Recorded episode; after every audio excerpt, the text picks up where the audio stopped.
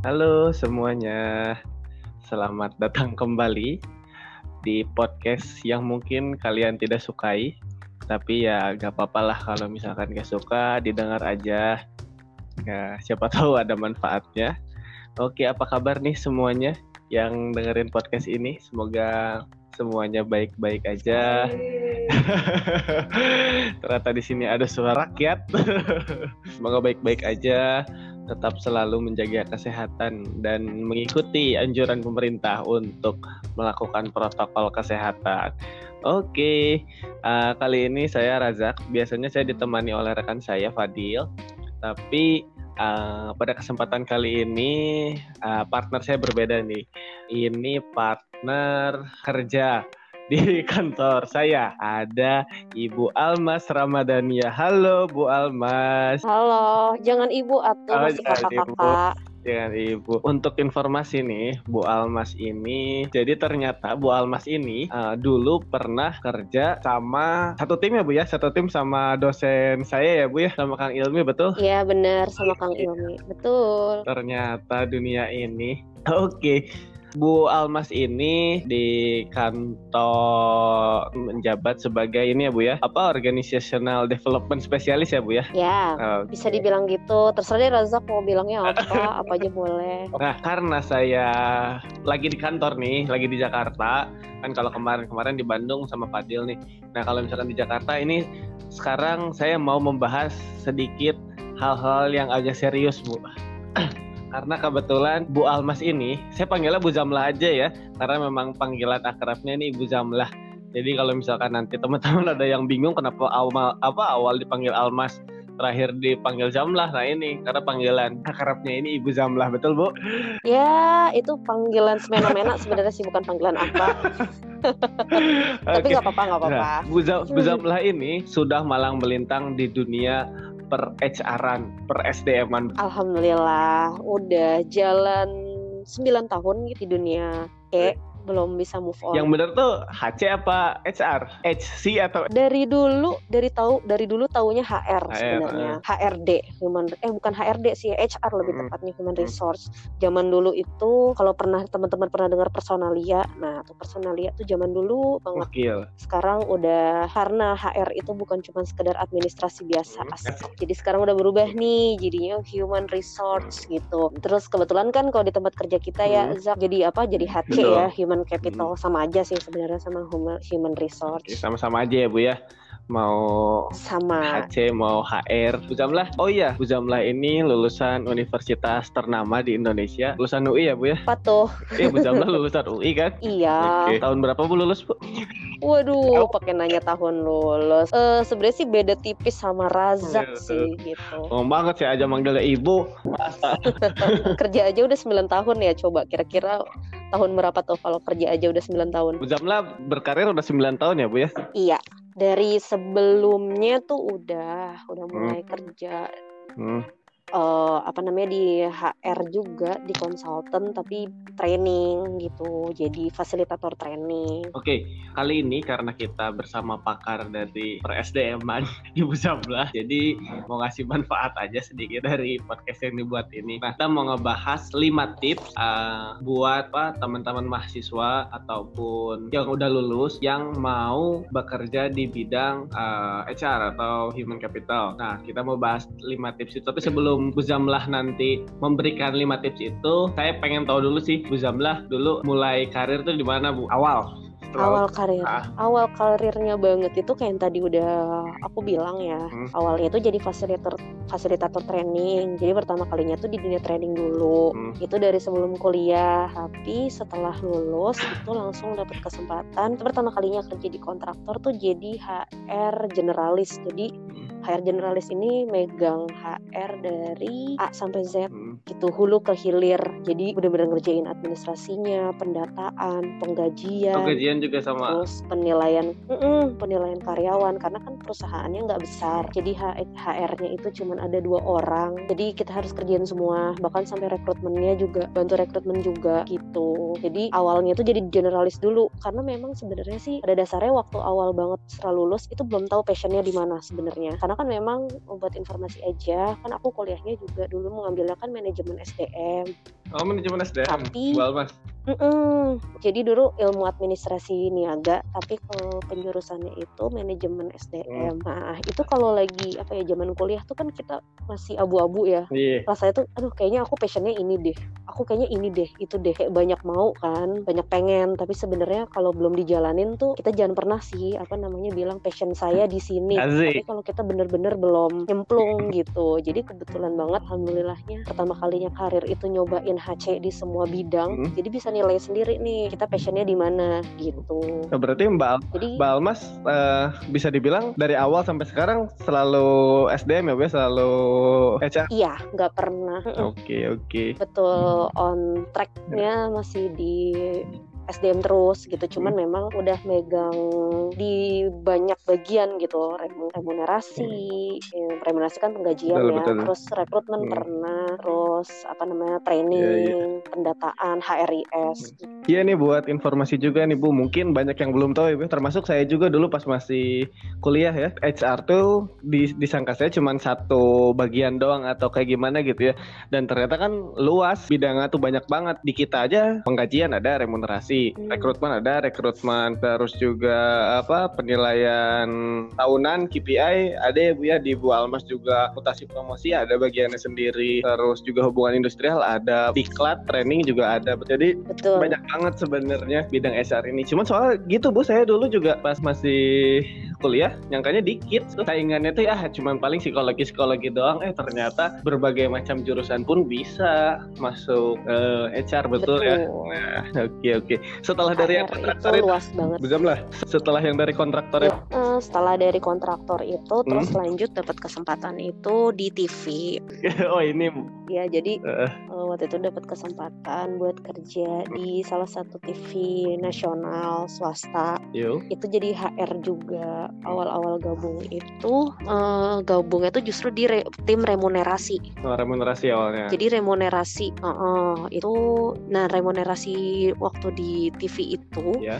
itu ngerjain kontrak karyawan, asuransi, BPJS, oh. udah gitu megang HRIS juga. HRIS itu oh. Human Resource Information System. Jadi input-input data ke sistem data karyawan gitu, terus filing data. Itu awalnya tuh di situ ngadmin banget sih intinya. Terus nggak lama dari sih dapat kesempatan buat uh, pindah nih apa namanya pindah posisi megang waktu itu Odi sama training gitu. Odi itu di stasiun TV itu berapa lama? Di bagian Odi sama di training itu di stasiun TV itu sekitar 3 ke 4 tahun. Lama juga ya? Lama. Oke, oke. Emang betah buat di situ, Bu? Lumayan lama. Betah. Alhamdulillah betah banget. Betah. Kalau ditanya betah sih betah. Bangetnya yang bener ya, bangetnya. Serius. Serius betah banget tapi karena waktu itu tuntutannya harus nikah. Hmm. kan kalau di TV tuh sebagai informasi aja nih buat yang mau karir di TV juga. Hmm. kalau untuk lingkungan kerja pengalaman TV itu the best banget. Cuman kalau untuk jam kerja hmm. agak sedih sih karena itu pulangnya malam-malam terus. Nah aku pas udah nikah nggak bisa pulang malam-malam lagi jadi mau nggak mau harus pindah tempat lain gitu. Kenapa bu gak bisa pulang malam lagi bu pas sudah nikah? Ya kan udah ada suami oh, udah... masa ngelayanin karyawan mulu ngelayanin suaminya kapan? Kacau kacau. Oke. okay itu udah dari apa dari uh, stasiun TV 4 tahun ya. Nah setelah itu ke mana? Mm -mm. Terus abis itu ke konsultan. Jadi ke konsultan itu lebih ke masih media juga sih, tapi itu lebih ke digital agency. Jadi buat temen-temen yang pernah tahu iklan-iklan yang ada di YouTube, di Facebook, nah itu yang bikin agency. Nah itu salah satunya kantor aku yang bikin itu di situ aku jadi talent development ya tetap isinya si Odi juga sih hmm. Gitu jadi emang fokus di Odi itu bukan HR generalis lagi emang udah fokus di Odi karena sejak dari yang di MNC memang udah ngerasa ya memang apa namanya passionnya itu di training development di organization development gitu kurang suka aja ternyata sama kerjaan-kerjaan yang berhubungan sama BPJS asuransi gitu Kenapa? Agak jago hitungan. Penggajian. Iya jujur sih.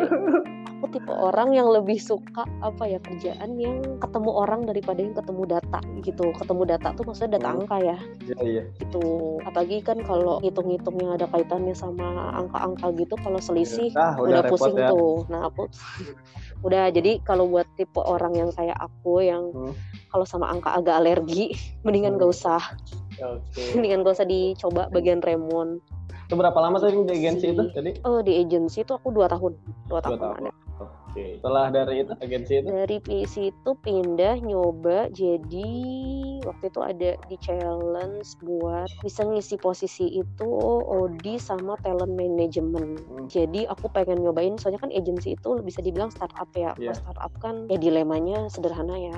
Nah, itu di challenge buat masuk lagi ke corporate gede. Hmm. Itu buat ngisi ODTM, organization development sama talent manajemennya. Di perusahaan apa tuh? Udah akhirnya perusahaan bidang apa? Perusahaan pendanaan multi di bidang ya. multi finance oke okay, ya. oke okay. berarti gitu. mulai bekerja di jasa keuangan dari dari sini ya awalnya ya iya iya pokoknya OJK Group itu baru start di sini ada satu pertanyaan juga ntar yang mau saya kasih terkait ini oke okay, di sana berapa lama bu di multi finance ini sebentar sih nggak lama satu tahun lah ya kurang lebih satu tahun aja okay. setelah di situ baru join dengan baru pindah ya sekarang ya. Betul. Betul. Uh, kita juga, oh ya mungkin informasi gue dari belum sampai kita juga bekerja di salah satu bank multinasional ya Bu ya, begitu. Iya betul. Balmas dari apa dari berbagai macam pengalaman nih yang udah Bu Zamlah uh, lalui dari berbagai macam bidang usaha atau bidang perusahaan gitu ya, yang paling enak atau ya pasti ada plus minusnya, cuman yang paling Bu Zamlah gue banget tuh di bidang apa Bu? Sebenarnya ini tergantung ya? dari fase fase umur ya nah. kan. Kalau misalnya kita itu fresh graduate, yeah. aku nyaranin banget sih buat temen-temen itu nyoba kayak startup hmm. atau nyoba-nyoba ke media yang dinamika organisasinya tuh tingkat tinggi gitu loh. Jadi kamu tuh bisa banyak belajar di situ gitu emang hmm. capeknya capek banget tapi ilmu yang didapat itu banyak gitu maksudnya kalau di corporate tuh kalau mau aku jujur banding bandingin ya kalau untuk pengalaman anak baru uh. kurang hmm. sih gitu jadi justru kalau merangkaknya itu dari perusahaan yang apa ya dinamis hmm ke perusahaan yang cenderung stabil gitu kan itu dia bisa tuh bertahan nah kadang-kadang yang orang-orang tuh suka nggak tahan tuh gitu dari perusahaan besar yang udah yang sistem kerjanya tuh udah bagus hmm. semuanya dibantu sistem hmm. tiba-tiba harus pindah ke perusahaan startup yang semuanya tuh serba berantakan hmm. semuanya serba dari nol nah itu biasanya nggak yeah. bisa bertahan lama sih betul, gitu betul, betul. jadi sih kalau menurut aku pribadi sih um, sekarang apa ya pekerjaan aku sama fase hidup aku itu match sih. Jadi sebenarnya tuh bukan tipe orang sebenarnya yang suka pindah-pindah kerja. Hmm. tapi kenapa sih kok kesannya kayak banyak awas tuh ya. dulu kerja di sini ini kok kayak banyak banget. Sebenarnya enggak nyesuaiin kebutuhan kayak tadi aku bilang. Aku tuh suka banget kerja di uh, eh, TV hmm. gitu kan. cuman ya itu dia ketika menikah kita nggak bisa dong gitu kan. Apa namanya nggak ada waktu buat keluarga anak suami tapi full untuk kerja itu kan udah nggak bisa. Jadi mau nggak mau kita harus cari tempat kerja yang memang sesuai sama kebutuhan. Yang jam kerjanya nggak terlalu ya kalaupun lembur juga nggak terlalu gila. Iya gitu. Jadi mulailah mencari yang memang lebih uh, stabil jam dari sisi jam kerja. Terus kalau udah menikah mungkin kan kepikirannya yang asuransi segala macamnya. Maksudnya udah nggak mikirin pengalaman lagi nih sekarang kalau misalnya udah berkeluarga tuh gitu. Yeah. jadi itu mungkin bisa jadi pertimbangan sih buat teman-teman yang lagi nyari kerja gitu. Jadi setelah menikah banyak banget pertimbangan ya bu ya? Bener. Jadi sebenarnya makanya kalau orang jadi ini juga tips ini colokan tips sih sebenarnya. Buat teman-teman yang emang, emang pengen ngembangin karir yeah uh, aku saranin nikahnya dipending dulu. Karena ketika kita menikah apalagi buat seorang wanita ya yang nantinya ada anak segala macam ya. kita harus benar-benar milih. Iya kalau cewek sih susah ya bu.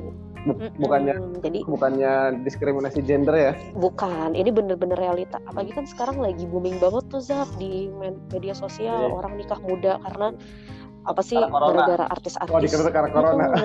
Bukan artis-artis kan banyak yang nyontohin nikah muda nih katanya ta'aruf apa segala macem. Nggak apa-apa gitu. Cuman kalau kita niatnya mau ngembangin karir itu jadi agak nggak match.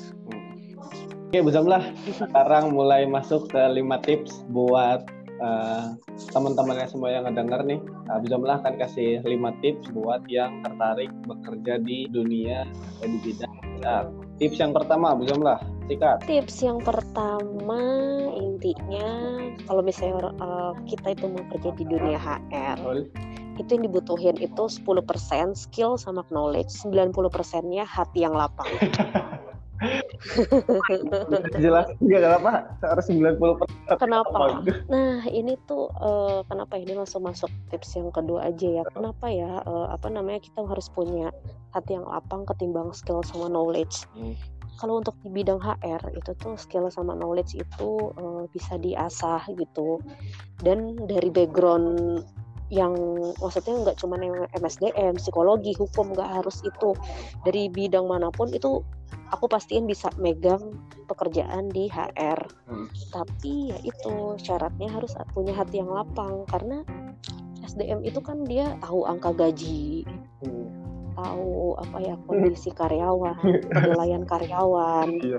gitu, data karyawan gitu itu kedewasaan benar-benar diuji banget yeah. sih gitu kan sifat manusia itu kan apa sih iri dengki nah itu ketika kita serius yeah, ini yeah, yeah. apa namanya apalagi kan karena aku pernah di megang di remunerasi juga kan yeah. ketika kita tuh ngeliat angka-angka gaji apalagi mungkin kita tahu kinerjanya si X nggak bagus-bagus banget yeah. tapi kok angka gajinya besar. Nah itu kalau kita nggak dewasa, nah, udah habis itu ya. kita bawaannya kerja itu juga jadi nggak ikhlas gitu. Jadi hmm. pertama itu sih, jadi untuk kita mau tahu gimana sih tipsnya yeah, ya yeah. sebenarnya kita yakinin diri di situ dulu si awalnya gitu okay. itu oh, oke okay. lanjut terus udah gitu uh, yang pasti nih kamu nih tips dari aku juga ini basic banget sih kamu harus nguasain Word Excel hmm. nah itu di Cuma, bidang HC itu perlu ya. banget mm -mm, karena ini pendataan ya karena kalau di ranah HR mana pun mau di bagian training remunerasi pasti butuh skill ini. Betul. gitu. Tapi terus ya, Bu, saya belajar apa ya Excel sih. Kalau Excel banyaknya pas udah bekerja soalnya pas kuliah saya nggak terlalu banyak pegang Excel psikologi mau serius. Nah iya jadi aku ini dari kitanya harus apa harus benar. Iya tapi persiapan gitu loh iya, iya. karena ada orang yang karena ada orang yang memang dia itu nggak suka banget yang namanya megang data. Mm-hmm. nah untuk di HR ini nggak bisa. Kamu aja rekrutmen tapi ujung-ujungnya megang data kan? Yeah. nah karena ada beberapa orang yang benar-benar alergi nih sama Excel sama Word itu. Dia kayaknya tuh kerjaannya bener-bener yang ya ke mana lah ke lapangan gitu. Nah itu menurut aku nggak cocok sih. Jadi emang yakinin kamu nanti akan betah ngadepin ini okay. day to day gitu kan. Lalu terus apalagi ya tipsnya? Oh iya sih intinya tuh apa ya? Tips yang ketiga. Hmm, ini baru yang ketiga baru ya. Baru ketiga. Tahu habisan tips oh, ya.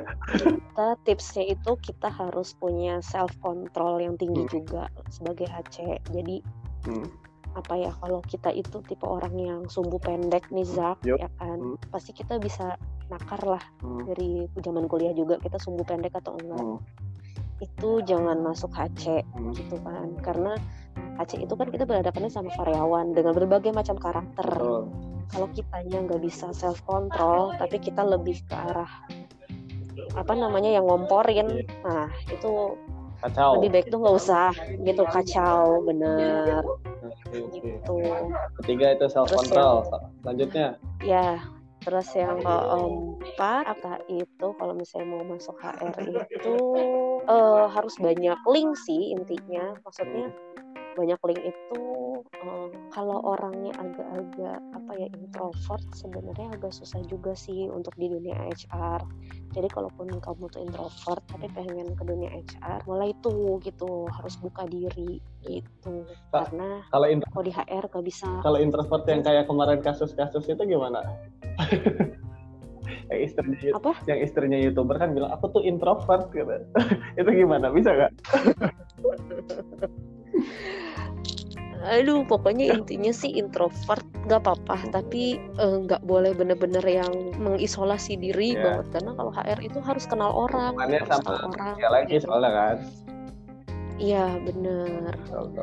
Terus deh gitu itu udah yang keberapa? Empat, empat ya? Sekarang terakhir. Yang terakhir uh, sebenarnya ya apa namanya di luar dari hmm apa namanya skill-skill kayak Excel atau segala macam yang paling dibutuhin di HR itu sebenarnya communication skill sih. Asik. Karena kan HR itu uh, nanti kan berdirinya di dua kaki nih perusahaan sama ke karyawan. Hmm.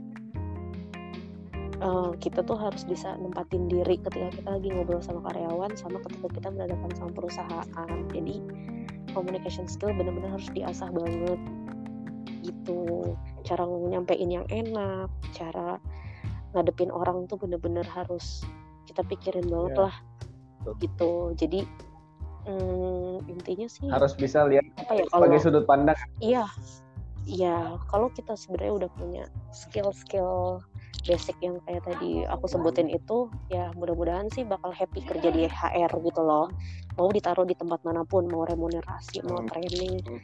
mau rekrutmen itu sama aja gitu yang penting sih ya itu tadi self control dewasa kitanya communication hmm. skill nah itu udah cukup sih menurut aku okay. udah sih Zak kayaknya ya? oke okay. itu udah hanya lima tips dari Ibu Zamla buat teman-teman yang mau bekerja di uh, dunia per karena jujur saya, saya juga maksudnya masih baru-baru lah masih baru dua tahun gila lah kalah pengalaman sama Bu Zamla lah Bu Zamla sudah malah melintang di berbagai macam posisi yeah. yeah.